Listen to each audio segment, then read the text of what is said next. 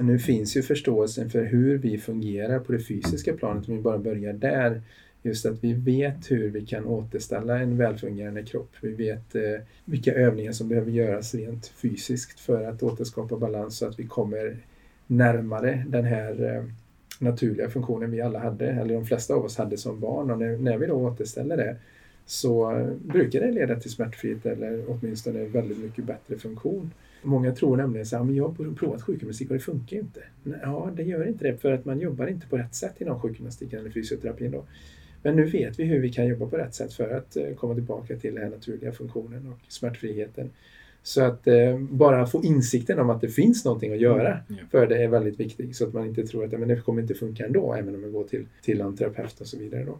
Varmt välkommen tillbaka till Holistisk hälsa med PLC, en podcast av mig, Robin Hallsten. Och idag vid min sida har jag även min kollega och coach Viktor Karlsson med mig med veckans gäst, Marcus Greus, som är grundare av Optimum-metoden. En metod som vi själva har bekantat oss med väldigt väl den senaste 6-7 månaderna för att vi var faktiskt hos Marcus redan i mars för att spela in ett avsnitt men det blev istället en screening och vi fick med oss lite hemläxa och Viktor har verkligen gått all in på detta och börjat faktiskt praktisera detta och, och hjälpt väldigt många till att bli mer smärtfria i deras liv. Och det är eh, intressant att se just hur Optimum-metoden har också påverkat de klienterna som vi har rekommenderat just den här posturala terapin för. Det mest eh, häpnadsväckande för mig har varit när jag, vi rekommenderade någon att åka till Marcus som gick dit på kryckor och sen kunde släppa kryckorna efter en behandling faktiskt. Ehm, så att det är otroligt just det arbetet som Marcus har gjort med att ta fram Optimum-metoden och det är det vi snackar om just i det här avsnittet. Hur det kom sig att han skapade detta och vad det är för eld som har brunnit i hans röv för att få detta gjort och skapat ett system som hjälper så många människor att bli mer smärtfria. Och det var just för att han själv kom från en bakgrund av mycket smärta själv och eh, studerat sjukgymnastik men förstod att det här är inte riktigt det som kommer funka eller hjälpa mig till mindre smärta. Så just den smärtan ledde vidare till en otrolig resa och det är just det vi pratar om i det här avsnittet. Vi går också väldigt djupt kring hur tankar och känslor sätter sig i kroppen och vad som sker när de fastnar i kroppen och hur vi kan bearbeta trauman genom kroppen och hur vi kan se på det för att läka och bli mer hela och rena. Detta och mycket annat nämner vi och tar upp i det här fantastiskt intressanta avsnittet med Marcus Grius. Så detta är också ett avsnitt för dig som kanske har mycket verk i kroppen eller som bär på kronisk eller långvarig smärta att inte sluta leta efter sätt att bli hjälpt eller läkt på. Jag skulle varmt rekommendera att kolla upp någon optimum tränare eller någon som praktiserar det i din närhet för att få hjälp om du har en eh, komplicerad smärtproblematik. För precis som när jag intervjuade Axel Bolin också som har Fascia-guiden så var det också många som kom till just honom också med till exempel frozen shoulder och sådana saker som man får höra att det här går inte att fixa eller det här är kroniskt som kan hjälpas att lösas upp under en eller flera behandlingar och samma ser jag med optimummetoden. Så ge inte upp du som har smärta eller har ont utan fortsätt leta och undersök smärtan för att se om du kan lösa upp den. Och det är det jag hoppas med den här podden också, att den kan inspirera dig till att eh, kanske hjälpa dig med den smärtan som du bär på. Det finns hopp där ute. Innan vi drar igång med veckans avsnitt vill jag bara påminna om vårt samarbete med pureness.se. Använd koden PLC-podden med 2D för att få 20 för att få 20% rabatt på hela ditt köp när du checkar ut i deras online-kassa. Alltså PLC-podden med 2D för att få 20% rabatt på allt det du köper i form av kosttillskott och annat som kan hjälpa dig att optimera din hälsa på pureness.se. Innan vi drar igång vill jag också bara be dig, kära lyssnare, om en liten tjänst. Om du gillar det vi gör med podden och vill att det ska spridas så att fler folk kan bli friskare och helare med hjälp av de här avsnitten. Så för all del, dela med dig av de här avsnitten och ge oss gärna en femstjärnig recension på iTunes eller Spotify eller vart än du lyssnar på detta. Nog snicksnackat. Nu kör vi igång med veckans avsnitt. Tjena Marcus! Hallå, hallå! Då är vi här igen. Eh, mars tror jag var första försöket det här året. ja, det var, det var något sånt ja. ja. Nu är vi i oktober. Slutet av oktober. Så vi hade planerat att spela in en podcast med Marcus här då i mars. Eh, men så blev det inte. Utan eh, istället så blev det att du gav mig och Robin en liten analys och behandling och sen så fick du in mig på hela Optimum, eh, Optimum tränarkursen. Mm. Så nu är jag färdig Optimum-tränare. Mm. Ett halvår senare har hänt jäkligt mycket grejer och hunnit jobba med faktiskt ja, hundratals redan med posturalterapi då. Mm. Som är något som du tog från USA hit till Sverige. Precis. Uh, och jag tänker vi kan väl börja där kanske med att du bara berättar först lite om dig själv. Vem ja, är du? Absolut. Och uh, hur gick det till att vara i Eller ska vi prata om hur, han, hur bra säljare han är på att få in... Nej, det kan vi också prata om. jag är inne sex kurser senare. hur blev du Marcus Dyrers nu idag? ja, alltså det hela började ju egentligen eh, när jag var 15 år och hoppade trampolin och, och Eh, Eh, lyckades då landa utanför den här tjocka mattan så att jag fick en kompressionsfraktur i bröstryggen, så jag bröt ryggen kan man säga. Jag hade väldigt ont av det naturligtvis och eh, eh skulle egentligen läst ingenjör ju. Men eh, så blev det inte på grund av att jag kunde varken sitta eller stå eh, stilla några längre stunder för att det var, det var i statiska positioner som jag hade mest problem. Och som ingenjör så blir man ju väldigt mycket stillavarande då så att jag fick ju tänka om där. Och tänkte att om jag läste sjukgymnast, för det verkar vara ett intressant yrke, så blir jag dels av med eh, min ryggsmärta. Och eh, sen så kommer jag kunna ha ett kul jobb också. Så jag började läsa till sjukgymnast 96 och insåg snabbt att det var väldigt låg nivå på informationen som man fick eh, ta del av där. Och blev inte något bättre i ryggen själv heller. Och det var ju väldigt jobbigt rent psykiskt då att känna att här håller jag på att lära mig någonting som inte ens kan hjälpa mig själv. Och, hur ska jag, och jag hade hört från andra som gick hos sjukgymnaster att de blev inte direkt hjälpta heller.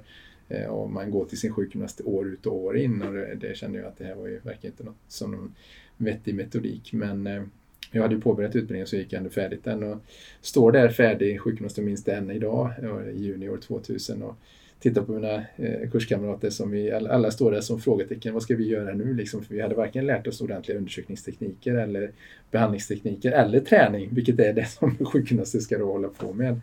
Eh, men eh, det var ju bara att gilla läget. Och då, för då sa lärarna så här, ja men det är nu ni ska gå kurser när ni kommer ut i, i yrkeslivet. Men vadå? Dels går du ut och så får du en grundlön som är så låg så att du har inte råd att gå några kurser och du fick inte några kurser heller av arbetsgivarna. Så att eh, det var, en, det var en tuff period där eh, första året mellan juni 2000 och eh, maj 2001 innan jag hörde talas om posturala terapin i USA så, så jobbade jag ju som sjukgymnast. Och jag hade en kollega som var whiplashskadad som var halvt sjukpensionerad på grund av det. Och jag hade en, en annan kollega som hade ont i, i Eh, en höft sedan många år tillbaka och jag hade ont i ryggen och så vi var tre stycken värre skadade och hade mer problem än patienten som kom till oss det kändes så sådär då. Och ehm, jag tänkte vad ska vi göra, eller vad ska jag göra liksom? Men sen hörde jag då talas om att det hade skett ett stort genombrott i USA år eh, 2001 då, året efter jag var färdig och eh, eh, tog tag i situationen helt enkelt och kontaktade dem i USA, i San Diego på huvudkliniken för posturalterapi. En man vid namn Peter Goskew som då hade knäckt koden till hur kroppen funkar när den fungerar optimalt och eh, hade utvecklat en ny typ av övningar för att återställa balans i kroppen som gjorde att man då blir av med kroniska smärtor. Och eh, jag åkte över dit sen i november 2001 och träffade då också Andrew Buser som sedermera blev min kollega som vi vidareutvecklade metoden med men började bli bättre i ryggen direkt själv då. Eh, sen tog det ett par år innan jag var helt bra för det var satt så pass djupt så det tog lite tid att få ordning på den helt. Men jag blev så mycket bättre redan från början att jag insåg att det är det här som jag ska jobba med då.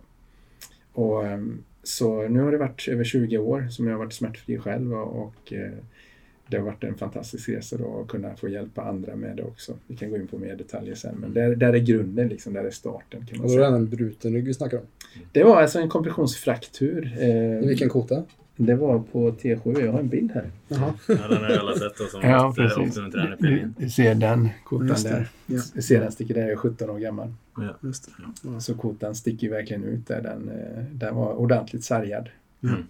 Eh, Men eh, nu inga problem längre. Nej. Och, Väldigt mjuk bröstrygg. Jag har känt på honom flera gånger. Ja, ja men verkligen att, att man kan eh, uppnå en sån funktion trots att man då har varit så allvarligt skadad som jag var då. är ju fantastiskt. Och just att kunna känna nu i 47 års ålder att inga problem med kroppen. Det, kroppen funkar riktigt, riktigt bra. Mm. Så det, det är skönt. Och då också just när man står och jobbar med kund som kommer och som säger att jag har råkat ut för det och det. Då vet jag att ja, men det går ju att göra någonting åt det. I vissa fall kan det ta lite längre tid för att kroppen behöver byggas upp på nytt, även på en skeletal nivå då. Men ger man rätt förutsättningar med även kost och näring och så, så, så kan kroppen göra mycket mer än vad de flesta tror. Ja, och det är ju det som är kanske det största som jag har tagit från dig nu under det här halvåret som jag har blivit, eh, eller gått dina utbildningar. Mm. Att eh, med den informationen i sig som jag tänker vi ska prata om också just kring posturalterapin och du och, eh, du och din kollega där, ni utvecklade ju Pirigoskus eh, system ganska rejält. Men jag har läst hans böcker, liksom, det är ju väldigt basalt jämfört med vad ni gör. Ja. Eh, eller, det är fantastiskt bra grund liksom, men ni har ändå gjort mycket kring det och det tänker jag absolut ska få berätta lite mer om. Men jag vill bara säga först här att eh, det främsta som jag har tagit från Marcus det är hans sätt att vara och hur han förmedlar saker och ting. Eh, som redan resonerade med mig väldigt mycket redan på första utbildningen, eller redan innan det till och med när vi träffades här i mars. Eh, för ditt sätt att tala och vara var väldigt likt så som jag går tillväga med klienter i PLC. Just att, men det är klart att vi löser det här problemet. Kolla, Du, du, kommer här, eh, du har haft problem i 20 år, liksom, du har försökt få hjälp av så här många. Liksom. Men de har inte kollat på det här. Och vi går in i det här med en optimism. Det är, klart, det är så mycket saker vi kan göra här och det är det jag vet att du ser och som jag också ser nu utifrån posturalperspektivet. Att det är så mycket saker vi kan göra som du inte har gjort tidigare som definitivt kommer ha någon form av resultat. Sen om vi kommer hela vägen nu med en gång eller efter några behandlingar. Det återstår att se. Men vi går in i det här men det är klart vi löser det här och just ha den inställningen och använda sig av den positiva energin eh, till skillnad från den vanliga konventionella approachen som är att ja, okej, men nu har vi Ja, det här ser ju inte bra ut. Du har haft ont länge. Nu får vi förvänta dig att det ska kommer att ta lång tid att fixa det här och vi ska inte ha för höga förväntningar för vi vill inte bygga upp och så bli besvikna och så här. Och det, jag är allergisk mot det och det vet jag att du är också. Verkligen, verkligen.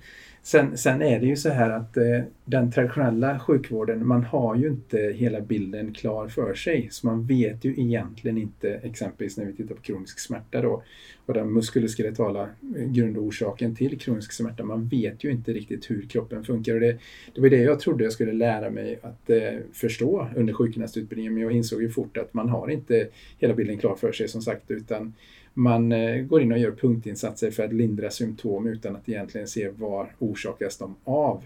Och det var det som Pirigoscu då eh, knäckte koden bakom hur kroppen kan fördela, hur den ska fördela den belastning som vi utsätter den för i olika situationer, stående, sittande, gående och så vidare. Då. Och när den då kan fördela belastningen på rätt sätt så blir ju ingen del överbelastad och därmed blir det heller inget smärtpåslag eller eh, ja, för hög belastning helt enkelt som i sin tur leder till det här smärtpåslaget. Då. Men man, man tänker inte riktigt så utan inom, om man tar en sån enkel, ett sånt enkelt exempel som axelproblematik, att har du ont i axeln, ja, då går man in och behandlar själva axeln.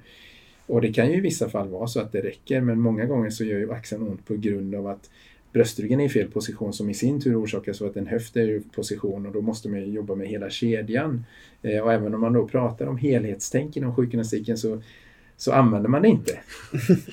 man gör inte det. Eh, Och man, eh, just för att man har inte hela bilden klar för sig. Man har inte rätt övningar för att återställa kedjefunktionen så att säga heller, belastningsfördelningen och eh, det, det brister på många punkter faktiskt. En sak, en sak som jag ser är att många gör det också så mycket mer komplicerat för att man inte har den här grundförståelsen. Jag, menar, jag har jobbat med jättemycket personer tidigare, både som personlig tränare och rehabcoach och lite allt möjligt ur ett system som ändå är väldigt effektivt. Eh, som, jag, som jag tycker är jättebra just ur ett holistiskt perspektiv. Men det jag saknade innan, som jag märkte när jag träffade dig här, det är just den här grundförståelsen för kollapstendensen som är något som du var delaktig av att faktiskt plocka fram och som är grunden för, vill jag säga, den moderna posturalterapin. För den pusselbiten saknades i mitt system. Jag fick ordning på folk, men på ett kompenserat sätt som vi numera kallar det för. Just precis. Skulle du kunna gå in och förklara för lyssnarna vad jag menar när jag säger att eh många kan vara raka och bli smärtfria men kompenserat vilket mm. kanske också kommer ha en liten effekt längre fram möjligtvis. Mm. För att man inte kommer till grunden med kollapstendensen. Då. Absolut och, och, då får vi backa lite grann just till det här att inom sjukgymnastiken så tror man ju då att eh, kroppen den håller sig upprätt genom att den svajar fram och tillbaka med ett posturalt svaj. Eh, och då är det ganska logiskt att tänka sig att muskler på baksidan aktiverar när man svajar framåt för att motverka så att du faller framåt och när jag svajar bakåt så aktiveras magmuskler och framsida lår och så vidare för att hålla mig från att falla bakåt. Då. Och då, om man har det tänket så tänker man ju då också att ja, för att jag ska få balans i kroppen så behöver jag träna magmusklerna, jag behöver träna ryggfiléerna och så vidare för att jag ska kunna ha en rak och eh, stark kropp och, och smärtfri som man tänker sig också. Då. Men det visar sig att det stämmer inte, att kroppen håller sig inte upprätt. Och det är där det första felet är då. Kroppen håller sig inte upprätt mot ett svaj utan den håller sig upprätt mot en kollapstendens. Och det, det här finns alltså forskning bakom som visar att tyngdkraften faller inte rakt igenom de olika lederna när vi håller oss upprätta utan den faller lite framför, lite bakom de olika lederna vilket då leder till vad vi kallar kollapstendensen. Och det viktigaste i just kollapstendensen är att bäckenet har en tendens att tippa bakåt om tyngdkraften får verka fritt så att säga. Vilket i sin tur leder till att eh, man då sjunker ihop i överkroppen och kroppen då liksom faller med höfterna framåt, överkroppen kollapsar ovanpå det och det här leder till att man skulle hamna som en hög på golvet egentligen om man inte hade någonting som höll emot då. Och det som motverkar den här kollapstendensen är just det vi kallar för de posturala musklerna, vilka inte är de som man tränar inom traditionell rehab. Eh, som kan då göra en rak, men kompenserat rak så att man känner sig kanske rak, rak och stark och kanske smärtfri för stunden, men många vältränade människor har ju ändå ont och de är stela och spända i slutet av dagen, fast de ser raka ut. Och det handlar då alltså om precis det du säger, att de håller sig upprätta med fel muskler. Och det vi då fann är att när man eh, arbetar med de här så kallade posturala musklerna som sitter djupt inne i vaden, insida lår, höftböjare, djupt inne i ryggraden och hela vägen upp till nacke, hals och mellan skulderblad. När man jobbar med dem och får dem att aktivera så kommer kroppen att räta upp sig Eh, mot den här kollapstendensen som vi pratade om och den gör det utan ansträngning. Man blir alltså inte spänd utan man känner sig som när man tittar på barn, de står med bra hållning och det är naturligt, det är avslappnat rak hållning. Likadant naturfolk, de är raka men avslappnade och då blir det ingen ökad spänning som i sin tur inte leder till någon smärta heller i långa loppet. Då. Du kan andas. Och kan andas dessutom precis som vi ska andas med magen. För många idag tror ju att vi ska ha en liten grundspänning i magen för vi ska hjälpa att hålla upp hållningen. Men det visar sig att om man spänner magen så vill ju magmusklerna då dra ihop överkroppen framåt. Om vi då ändå ska kunna hålla en upprätt hållning så måste vi då aktivera ryggmusklerna för att motverka den framåtböjningstendensen som magmusklerna då skapar och det här i sin tur leder till en totalt sett ökad spänning runt bålen och ryggrad och även upp i nacke och axlar. Då. Det var ju också en, eh, just ett ord som du använde där, att posturalkedjan är aktiverad. Mm. Det är inte att man nödvändigtvis stärker den utan det är en neurologisk aktivering. Precis. Eh, och det, det är ju så här att väldigt många människor är ju sen försvagade också i det men de är inte ens påslagna i posturalkedjan. Så att även om de försöker att räta upp sig och, och, få en bra hållning så gör de det inte med just den posturala, de muskeln som är designade för att hålla sig upprätt utan de tvingar sig själva till att bli raka med de här ytligare musklerna som då vi kallar kompenserade och som gör att det blir spänningar eh, när vi står eller sitter längre stunder med dem då. Egentligen känner, kommer ju spänningen direkt men man märker det kanske inte omgående då. Medan när den posturala kedjan är aktiverad som den är hos naturfolk, hos barn och de som har tränat upp sig eh, så är det inte jobbigt att stå eller sitta med rak hållning utan man, man är där utan att det känns ansträngande samtidigt som man kan andas på ett naturligt sätt så att man får, får full syresättning i kroppen också som ju är så himla viktig. Mm. Och det är just det att du ska kunna vara där utan att tänka på det. Precis. Och det är än en gång, jag brukar referera väldigt mycket till barn och naturfolk av den anledningen att barn tänker inte på hur de står. Mm. Om de nu råkar stå still en 2, 3, 4, 5-åring. De som är i bäst funktion så att säga när de korta stunderna som de faktiskt står stilla så ser man att det är ingen ansträngning alls för dem att stå stilla och med rak hållning utan kroppen hålls av, av sig själv helt enkelt för att de tränar sin posturalkedja varje dag hela tiden. Bland annat genom att de gör framåtfällningar och de gör djupa knäböj som är de två mest naturliga rörelserna för att underhålla den här posturala kedjan. Just det.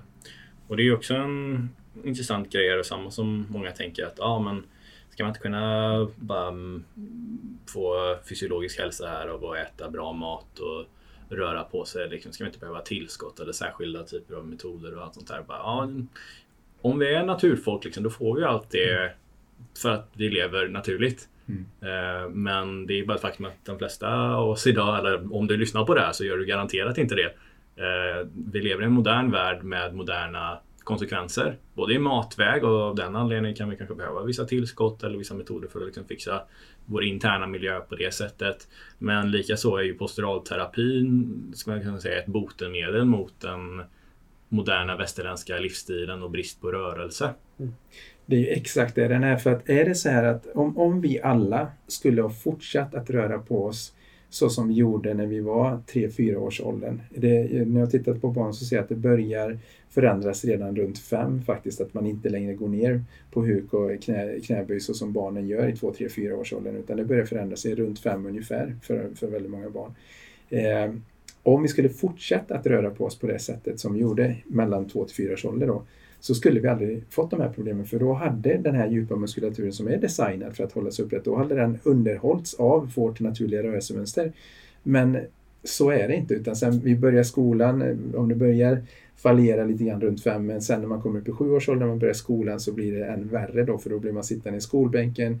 Om man tittar på barn idag hur de sitter hemma sen och hur de sitter med padda och mobiltelefoner och så vidare så är ju eh, det är en ganska dålig hållning faktiskt och eh, när man ber en, en tioåring idag göra en djup knäböj så klarar de inte längre. De, de har tappat funktion redan. Eh, wow. Ja, så är det ju. Mm. Och eh, tittar man däremot på naturfolk så ser man att de sitter ju på huk och, och dricker te och flätar en korg och de, de gör ju det varje dag på grund av att de har inte stolar ute i djungeln eller steppen, savannen, var de nu än bor. Utan de, de tvingas att komma ner på, på huk så att säga. Så att livet tvingar funktion ja. hos natursamhällena. Men det gör det inte i det västerländska samhället utan vi har så mycket hjälpmedel så att hjälpmedel stänger av funktionen. Tyvärr. Och det tycker jag är så intressant för att det är ju som vi alla tre nu sitter i en stol och det är ju, de är gjorda för att de är bekväma. Mm. Och det gör ju liksom att vi inte, som du brukar snacka om, archetypal, archetypal rest postures. Ja. Alltså naturfolket har en viss, att om man byter position när det blir lite obekvämt. Men när mm. har vi en soffa eller en, en stol så det blir eh, också som eh, Christopher Ryans bok Civilized Death där han snackar om typ hur mycket saker som vi idag eh, medik medikerar vår moderna livsstil med att skapa nya innovationer för att bygga på vår patologi på något sätt. Ja, precis. Så är det ju. Jag menar, ergonomi, ergonomiska hjälpmedel, det är ju mm. egentligen ingenting som man ska sträva efter att använda. Nej. Utan det är som när jag sitter och jobbar med kund. Så nu sitter jag och lutar mig tillbaka här för vi pratar här, men, men normalt sett när jag sitter med kund så sitter jag ju längst ut på stolskanten mm. och skriver programmet till kunden just för att jag på det sättet då per automatik aktiverar den här djupa posturala muskulaturen. Och sen passar jag ju på då när jag visar övningen för kunden, jag går ner på huk och jag fäller mig framåt på rätt sätt för att då får jag den gratis träningen som jag inte får i min vardag annars då. Mm. Så att jag ser till att använda min kropp på ett sådant sätt som gör att jag då helt enkelt underhåller den posturala kedjan på daglig basis. Mm. Helt enkelt. Mm. För det är också det då med att eh, när vi försöker få ordning på det här eh, så kan det ju vara saker som hindrar mm. eh, att, att det ska funka. Eh, och det är ju därför som eh, du då har utvecklat ditt behandlingsprotokoll inom optimum. Sen finns det såklart massa andra grejer man kan göra. Fasciamassage och limpmassage och diverse olika saker. Men det är ju så att vi har ju den här grundkedjan som ska fungera. Men på grund av någon anledning så har den slutat fungera. Och det är delvis då såklart för att vi sitter ner och har allt det här onaturliga kan också vara diverse trauman. Mm. Både fysiskt och mentalt. Um, och det är ju det intressanta här med din metod då. Optimum-metoden är ju för att försöka komma till grunden med att lista ut det här. Vart kommer det ifrån? Precis. Och det var, ju, det var ju nämligen så här att i början då när jag, när jag började, dels fick jag ju en ordning på min egen kropp och sen började jag hjälpa mina patienter. Jag jobbade på en vårdcentral då eh, fortfarande i, i flera år efter att jag lärde mig det här och såg att jag fick väldigt fin effekt på väldigt många fort eh, genom att då jobba med de här posturala, vad vi idag kallar optimumövningar då. Men vi jobbar med de här posturala övningarna och de fungerar ju på det sättet att de, vissa av övningarna då aktiverar de djupare liggande posturala musklerna medan andra övningar då hämmar eller så att säga stänger av de muskler som man börjar kompensera för bristande funktion. Och man behöver göra det här i en specifik ordning som vi kallar för flödet då, just för att om du gör det i en specifik ordning så går det mycket snabbare och får saker och ting att rätta till sig jämfört med om du börjar så att säga i fel ände. Så att eh, rent strukturellt när vi arbetar för att få ordning på någon så gör vi en viss ordning.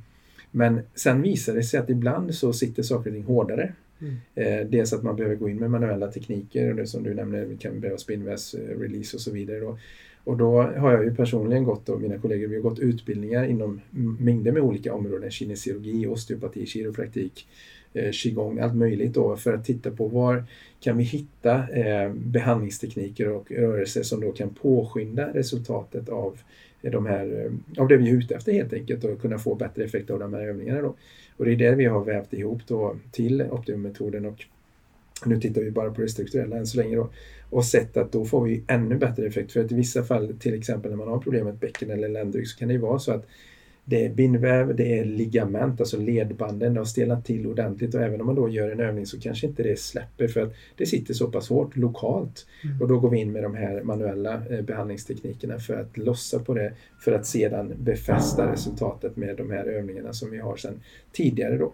Eh, så att det här är ju en del av, av det som är viktigt för att få ordning på dem. Men sen har vi sett då, och det gjorde jag när jag hade jobbat med det här ett par år, så märkte jag att i vissa fall så räckte det inte med behandlingar och övningar utan det satt på något annat plan som jag kunde se. Och då började man titta, inom kinesiologin så pratar man ju om att för att en människa ska må bra så behöver du ha balans inom flera olika områden. Det är dels det strukturella, det vill säga muskler, leder, skelett. Eh, du behöver ha balans i den mentala känslomässiga och det är någonting som alla vet att är du stressad, har du råkat ut för jobbiga saker så kan det sätta sig i nacken eller ryggen eller en höft och så vidare. Och sen så är det den tredje biten som ni jobbar en hel del med ju på PLC med kost och näring, fysiologi, alltså de, eh, de bitarna. För att om man äter en, en inflammationsskapande kost så kan det ju sätta sig på leder och muskler mm. också naturligtvis. Då.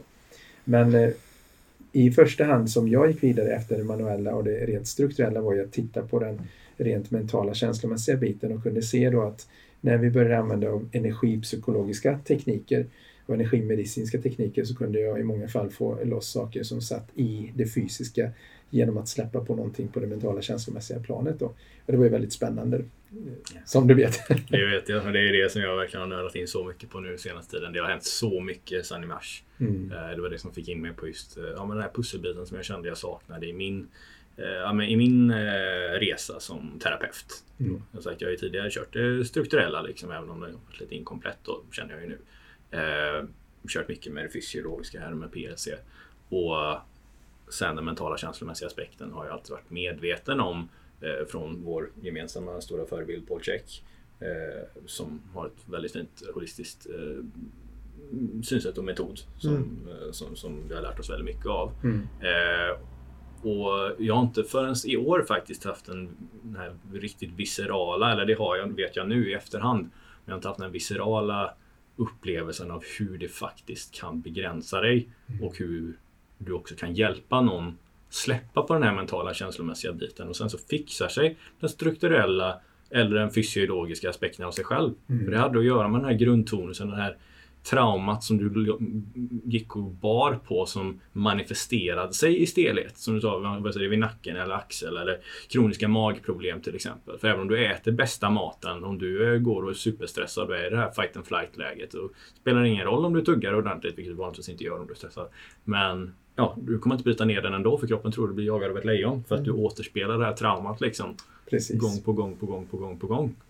Och det intressanta i det här är ju att redan under sjukdomsutbildningen så sa ju ortopedläkarna när vi hade en föreläsning om, om ländryggsmärtor till exempel då, så sa en av läkarna att ja, ni kommer träffa på de här patienterna när ni gör undersökningen och hittar precis ingenting och då kan det vara så att de har råkat ut för någon jobbig grej i, i sitt liv eh, strax innan eh, ryggproblemen började. Mm. Och eh, då satte sig det mentala känslomässiga traumat satte sig i ryggen som en anspänning. Då. Och det finns en väldigt känd läkare som heter John Sarno som eh, var verksam i New York-trakten på 70-talet redan. Som då tog emot de här svåraste patienterna som ingen fick ordning på, mycket ryggsmärtor och sådär. Och så pratade han med dem eh, om just det mentala känslomässiga sambandet och gjorde lite övningar med dem för att kunna få det att släppa. Och han fick väldigt fin effekt på många av sina patienter så att de blev antingen smärtlindrade eller smärtfria till och med. Mm. Där ingenting annat hade hjälpt. Så han gick in via det mentala känslomässiga. Han så var en medicinsk doktor då i USA. Skrivit flera böcker, Healing Back Pain och så vidare. Då. Så att, eh, redan då pratar man om det men att eh, inom det svenska traditionella sjukvårdssystemet så även om man pratar om saker så har man inga konkreta åtgärder för det. Och det är därför då som vi skapade Optimum Mind-konceptet som en del av Optimum-metoden där vi tog in då de mest effektiva energimedicinska energipsykologiska teknikerna som vi har kunnat hitta till dags dato som gör att vi dels blir av med det mentala känslomässiga traumat i sig så att det inte känns jobbigt att tänka på vad det nu än är som har hänt. För oftast är det någonting som har hänt i det förflutna som fortfarande känns jobbigt när man tänker på det. Men då släpper ju också den fysiska komponenten som, som påverkar kroppen negativt när man släpper det så man mår, mår bättre både psykiskt och fysiskt. Då, så det, det, är jättespännande att se och du har ju sett det många gånger redan nu också som sagt. Ja, men det är också intressant som vi har snackat om det mycket under årets gång också det senaste året just ju mer vi poddar och ju mer vi, ju mer vi träffar personer som verkligen hjälper människor på en så djup eh, eh nivå som du gör och andra terapeuter som vi träffar i Sverige här så märker vi att ju djupare vi kommer med personer som har verkligen gått djupt och hjälper människor på, från grunden på ett holistiskt sätt mm desto mer bottnar det i att allting har sin grund i det emotionella och det mentala oftast. Ja. Och att det sen på något sätt fastnar i den fysiska kroppen. Mm. Och, vår, och det, vi kan, ja, det fastnar i axeln eller nacken och att ju mer man nystar i det, man kan börja med kosten och de bitarna men sen så när man väl, sen så kommer man inte längre oftast. För sen så ligger någonting kvar och jag har precis avslutat en kurs i familjekonstellationer, åtta dagar där vi kollar mm. på just generationella familjetrauman där saker också kanske inte startade med dig ens. Yeah. Vilket är jätteintressant hur mycket vi bär på vår mammas och pappas eller kanske vår morfars skit. Det, ursäkta jag avbryter det, men det, det här är så intressant när vi jobbar med eh, emotion code-delen av Optimum mm. Mind där vi går in och tittar. Då är det ofta som det kommer nedärvda känslor. Precis, precis. Eh, och jag hade en, en kille som jag jobbar med idag faktiskt där han hade en, en eh, hjärtesorg som hade kommit från pappas sida. Och jag hade ju ingen aning om hans relation till sin pappa men det mm. intressanta var att han sa ju då att Ja, det ante mig att det kommer från honom för att han var väldigt eh, sorgsen av sig. Ja, han hade knappt träffat honom mer än en gång i vuxenlivet. Ja. Men, men eh, väldigt dålig kontakt med honom. Men han visste att det, det, det, här stämmer alldeles utmärkt, det vi fick fram då när vi mm. testade honom. Mm. Och då påverkar det honom naturligtvis väldigt negativt i sitt liv. Och, och, det är det som många kan tycka som, som jobbar med just att det har inte hänt så mycket i mitt liv, varför mår jag så dåligt? Ja. Men det, har alltså, det, det är generationer tillbaka. Ja. De har ärvt det dåliga måendet från mm. sina föräldrar. Som i sin tur har ärvt från sina föräldrar i, i, i många steg i många fall. Och till och med som jag fick lära mig den här utbildningen, alltså också att det finns folksjälen som Eckart Tolle snackar om i yeah. En ny jord. Alltså att mm. till och med vi, vi, svenskar har en svensk identitet. Just precis. Och tyskar har en tysk identitet. Mm. Liksom att det, till exempel att det fortfarande kan finnas en, en skam från andra världskriget. Mm. Att man inte hissar en uh, tysk flagga för att det kan liksom ses som ett väldigt nationalistiskt och mm. det är väldigt fult till exempel. Så det tycker jag är otroligt intressant när man kollar på att många av de saker som vi bär på kanske inte startar ens med oss. Liksom. Och, och som du säger, många kan bara, men det har inte hänt någonting. Men oftast är det också saker som är omedvetet som skedde kanske mellan 0 och 7 som inte var så stora saker för en vuxen person men för en, en ung, naiv barn som kanske är väldigt då eh, beroende av sina föräldrars kärlek och omtanke så kan det vara något som är väldigt stort och som tar fäste där helt enkelt det, det skulle komma till. Ja. så intressant.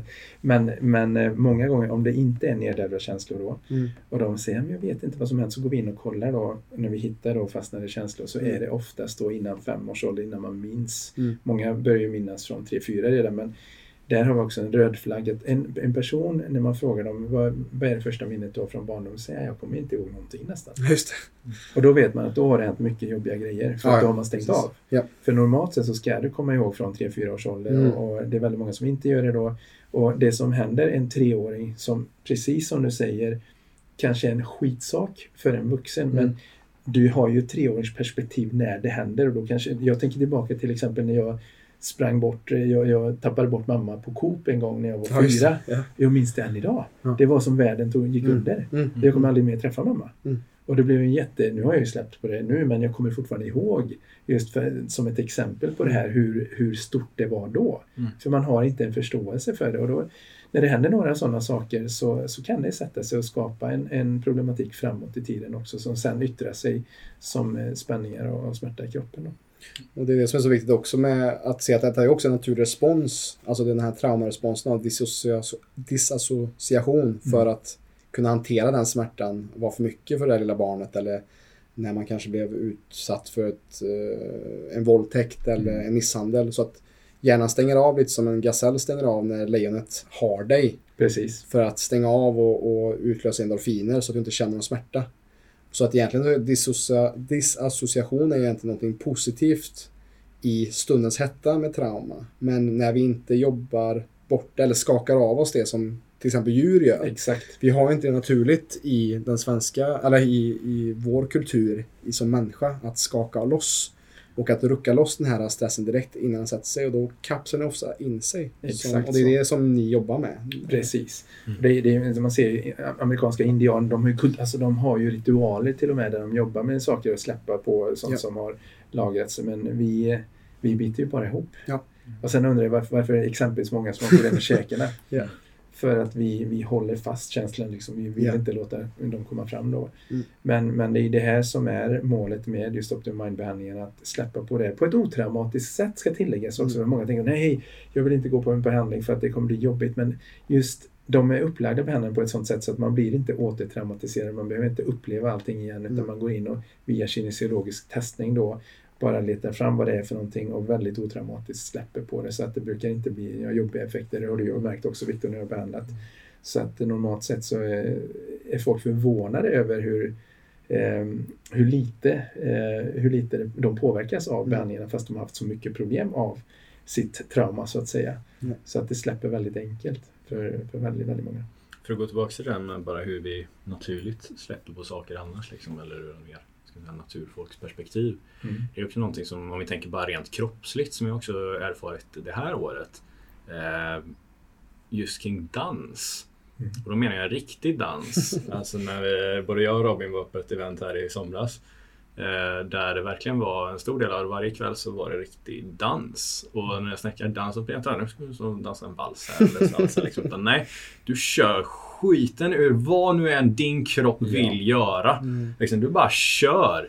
Och när du går in i det, när du bara släpper på de här spärrarna liksom med vad du tror hur du ska se ut och så här, och faktiskt bara går in. Vad är det du vill göra? Om någon anledning vill jag bara liksom vifta på armarna just nu och bara rucka i bröstryggen och skaka höfterna. Och så kör du det några timmar liksom. Då jäklar vad god du känner dig i kroppen. För du har liksom fått lirka ut, fått smörjt alla de här lederna och det är ju faktiskt en del av nästan vartenda så här, naturfolksamhälle. Det är dans runt elden. Liksom. Visst det är det är så. bara kötta på liksom. Och vad är de här frågorna? Vad är de, frågan när var det sist du slutade sjunga, dansa? Eh, vad är det? det är de här fyra frågorna som... Måla, leva eller något sånt. Mm. Ja. Som man får... Ja, Mm. nu slaktar jag den men... eh, Ja, ja, men... Men, men just det viktigt, just det, och det är ju som jag har också börjat med ljudterapi sista året också Mm. med gång och ljudhealing och där är också vibrationer och liksom hur det kan... Jag fick bara i, i, i veckan jag fick ett mail där det var en kvinna som varit med om en bilolycka för 20 år sedan. Tappat känsel i viss del av, av benet. Och läkarna sa att du kommer aldrig få tillbaka det igen. Mm. Och så var hon på en två och en halv timmes session gång då med mig och min, min eh, vän Matteus. Och så mejlade hon till mig att under sessionen så fick jag tillbaka känseln i benet för första gången på 20 år. Och hon, det är ingen som rör henne. Det är bara vibrationer och ljud. Mm. Och på något sätt kan man säga att ja, det där är ett mirakel. Men på något sätt så är ju mirakel bara vetenskap som inte än, ännu är upptäckt Exakt. eller förklarad. Ja, precis. Och det är lite det som jag ser också för många, för det kan jag också berätta liksom, vi har haft klienter som vi har nu under det senaste halvåret bara, ja, men gå och åk till mm, Marcus. Du har säkert träffat några av våra klienter som vi har. Och jag vet en spe- ett specifikt fall som bara, jag, jag kunde börja gå igen. Mm. Som kom till dig. Mm. Eh, jag vet inte om hon inte alls kunde gå eller om hon gick på kryckor. Men hon liksom, Gick på hon- kryckor. hon gick på kryckor. Mm. Och bara efter bara, jag kan gå igen. Mm. Och det är samma med mig. Jag har ju börjat ha många klienter nu fysiskt också. Mm. Där jag jobbar framförallt ur postural perspektiv. Och det är samma för mig. Och det sa du ju första, första utbildningstillfället, eller kanske till och med innan vi ens hade första utbildningstillfället. Just att nej, men du kommer få höra lite här. Är du Jesus? är du, vad är det här liksom? Och det är ju, vissa saker är bara så effektiva och när du ser det från ett lite ja, bredare perspektiv, eller rättare sagt om man inte går in med approachen, men okej, okay, den här personen som en av mina första klienter som jag hade när jag jobbade på perspektiv. Eh, hon hade en axel som hon inte kunde lyfta. Det var inte därför hon kom, för hon hade accepterat liksom, när vi hade någon artros tydligen har de sagt till mig för tio år sedan i nyckelbenet här, så jag ska inte kunna lyfta axeln högre upp än till, eh, ja, handen högre upp till axeln liksom. Mm. Kommer aldrig, jag har accepterat det, så det är höften jag vill ha hjälp med. Mm. Ja, okej. Okay. Men eh, då får kolla lite på axeln här också, så ska vi jobba med höften sen. Eh, och... Det är också intressant att någon har sagt till dig ja. att du, ska aldrig kunna, du kommer aldrig kunna göra detta. Men auktoritet säger till dig du kommer aldrig kunna göra detta igen. Nej. Då skapar du en begränsning hos dig själv. Precis, redan, men, redan i tanken. Men hon hade varit hos fem fysioterapeuter hon hade fått akupunktur. Så uppenbarligen så funkar det ju inte. Mm. Så, de, så du, nu accepterar vi det. Mm. Ah, okay. mm. Jag grejer lite med 15 eh, minuter senare. Full range of motion. Ja. Inga problem. Hon har inte kommit tillbaka sedan dess. Och eh, på första besöket också. Eh, smärtan i höften från en 8 ner till en 4. Mm. Andra besöket helt smärtfri. Tredje besöket, då hade hon varit och gått så här, i typ fyra timmar ute och bergsvandrat. Liksom. Ja. så då, hade hon fått lite, då hade hon fått lite ont efteråt det. ja. Och så körde vi en session efter det, helt smärtfri sen dess. Mm. Ingenting. Fjärde tillfället när vi kom in och fick boka in fyra med en gång. Bara, ah, alltså, jag, jag mår bra liksom. Jag vet inte vad vi ska göra idag. Ja. Bara, ah, ja, nej, men vi, vi ser om vi kan träna, bygga ytterligare lite buffert här. Liksom. Mm. Och det är det som är så fint och coolt när man jobbar på det här sättet. att jag, låter, jag skiter fullständigt i vad folk har sagt tidigare. Okej, okay, det kan ge mig en liten idé om vad din story är. Mm. Men jag ser dig från färska ögon här med en optimistisk inställning. Och jag vet att jag jobbar brett som tusan. Och oavsett om jag får det helt perfekt här idag så har jag åtminstone en bra idé om hur vi ska fortsätta jobba här och eh, även om jag känner mig begränsad så vet jag förmodligen vem jag skulle skicka dig till. Eh, utifrån då vart eh, problemet ligger, vilken nivå den ligger på de här planen som vi pratar om. Mm, mm. Vare sig det är kemiska eller om det ja, är det känslomässiga då, eller om det är det fysiska. Nu har jag nördat ner mig så pass mycket. Nu ska jag lösa alla de här för jag ska rädda alla. Eh, det vet jag att du är lite i, i den också. Ja. Men den elden inom oss har ju ändå Ja, det, det kändes som att jag, jag har ju verkligen märkt den glöden, den passionen har ju verkligen tänts i mig mm. det här året. Och jag får tacka dig bara för att komma in på just att, du la den pusselbiten som tänt min gnista väldigt mycket mer mm. igen. Så det är fantastiskt kul. Mm. Så tack för det.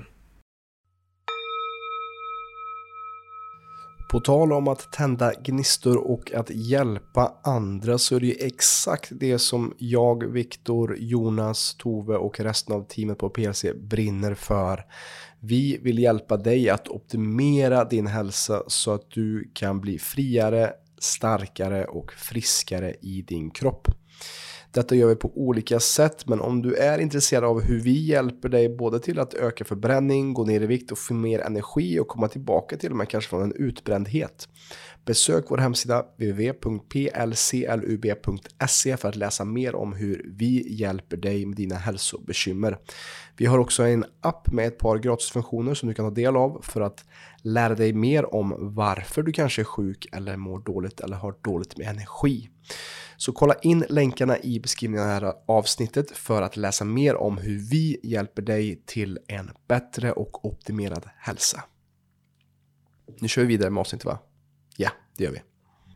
Ja, det, är, det är ju det som, är, som jag nu personligen brinner mycket för är just att vi, vi får lära ut och förmånen att få lära ut de här sakerna som jag har vikt hela mitt yrkesliv åt. Att lära mig att nu kunna lära ut det till andra och se så som du nu kan göra samma sak och det går så fort att lära sig det här också. Det, går man in för det så tar det inte speciellt lång tid och man blir väldigt effektiv. Och så många av de sjukgymnaster, massörer, yogalärare, osteopater som går och så vidare som går våra utbildningar som säger men herregud nu har jag äntligen fått ett helhetssystem mm.